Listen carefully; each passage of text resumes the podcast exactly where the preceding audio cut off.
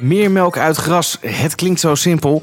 Dus mede namens Jara bespreek ik, Ruben Leijzega, de belangrijkste aspecten van graslandbemesting. De Nederlandse mens onthoudt zich zoveel als mogelijk van sociaal contact, maar het boerenwerk gaat door. Zo was het de laatste weken druk op het land. Veel melkveehouders trokken erop uit om kunstmest te strooien.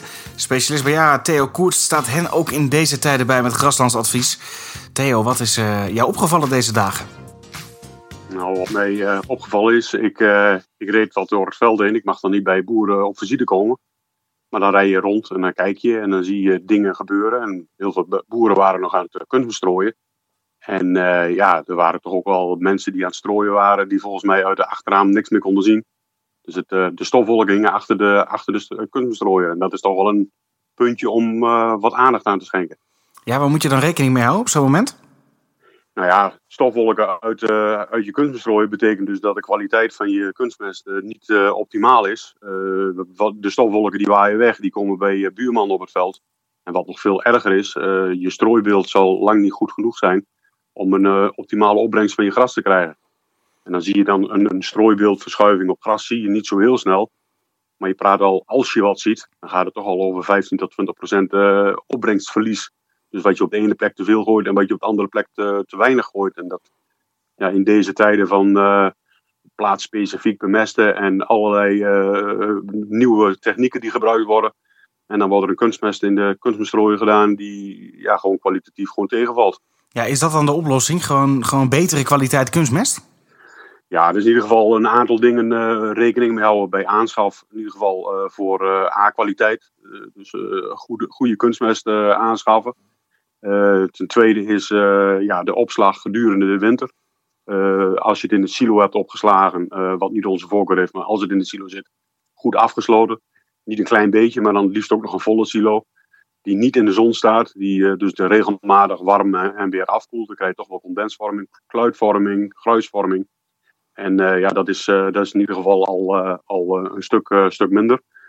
Waar wij eigenlijk een beetje op, op aangaan en wat wij in het verleden nooit uh, bij mijn vorige baas uh, nooit geadviseerd hebben of minder geadviseerd hebben, is toch richting de big bags. Big bags is een uh, super manier om, om je kunstmest op te slaan, ook te bewaren. iedere keer als je een zak lostrekt, heb je 600 kilogram. super kwaliteit, dus goede korrels die luchtdicht afgesloten zijn en dan nog liefst ook nog een big bag die op de fabriek uh, afgevuld is en zo bij de boer is afgeleverd. En dat is, uh, ja, dan hou je de beste kwaliteit. Er staat niet, komt geen vocht bij.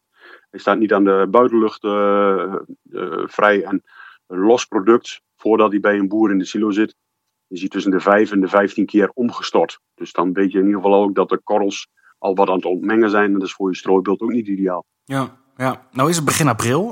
volgens de weervoorspelling staat de lente voor de deur. Uh, komende week worden nou eenmaal hele fijne temperaturen voorspeld. Uh, eerst nog even terugblikken. Koude nachten toch wel? Wat betekent dat voor uh, de gasontwikkeling? Nou, het leek in ieder geval van het winter was het toch wel redelijk nat links en rechts. daarna leek het gras redelijk snel aan de gang te gaan. Het leek goed. tot 14 dagen geleden zag het er super uit.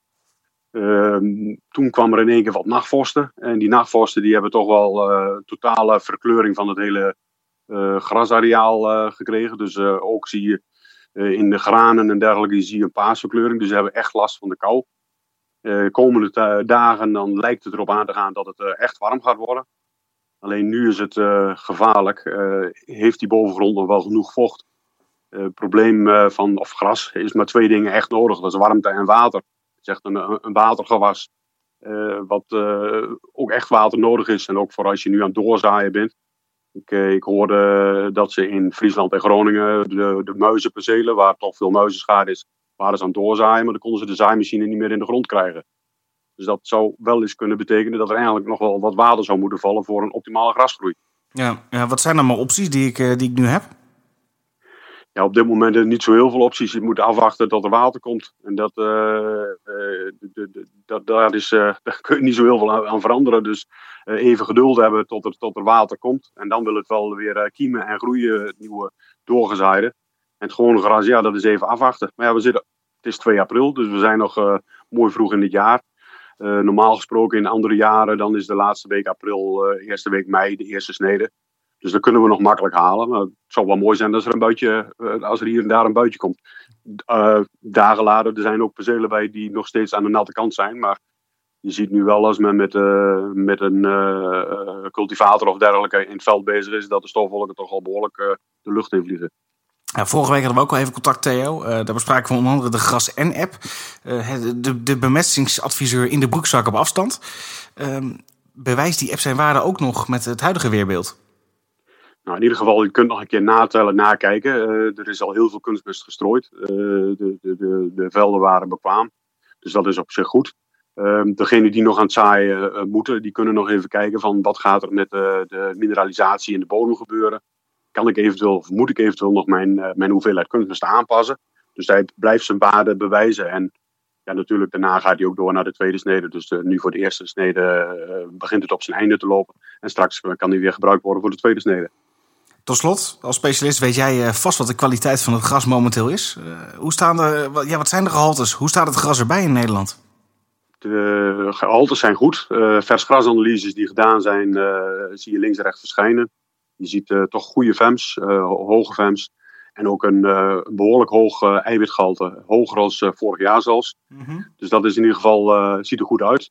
Wat er wel opviel is dat de bijgroei wat tegenvalt. Maar dat was dan ook door de koude nachten. Dus de, de bijgroeien valt wat tegen. Maar de kwaliteit is gewoon super. Dus die mensen die nu aan het weiden zijn, die aan het, de, de koeien buiten hebben, die, die doen het op zich goed.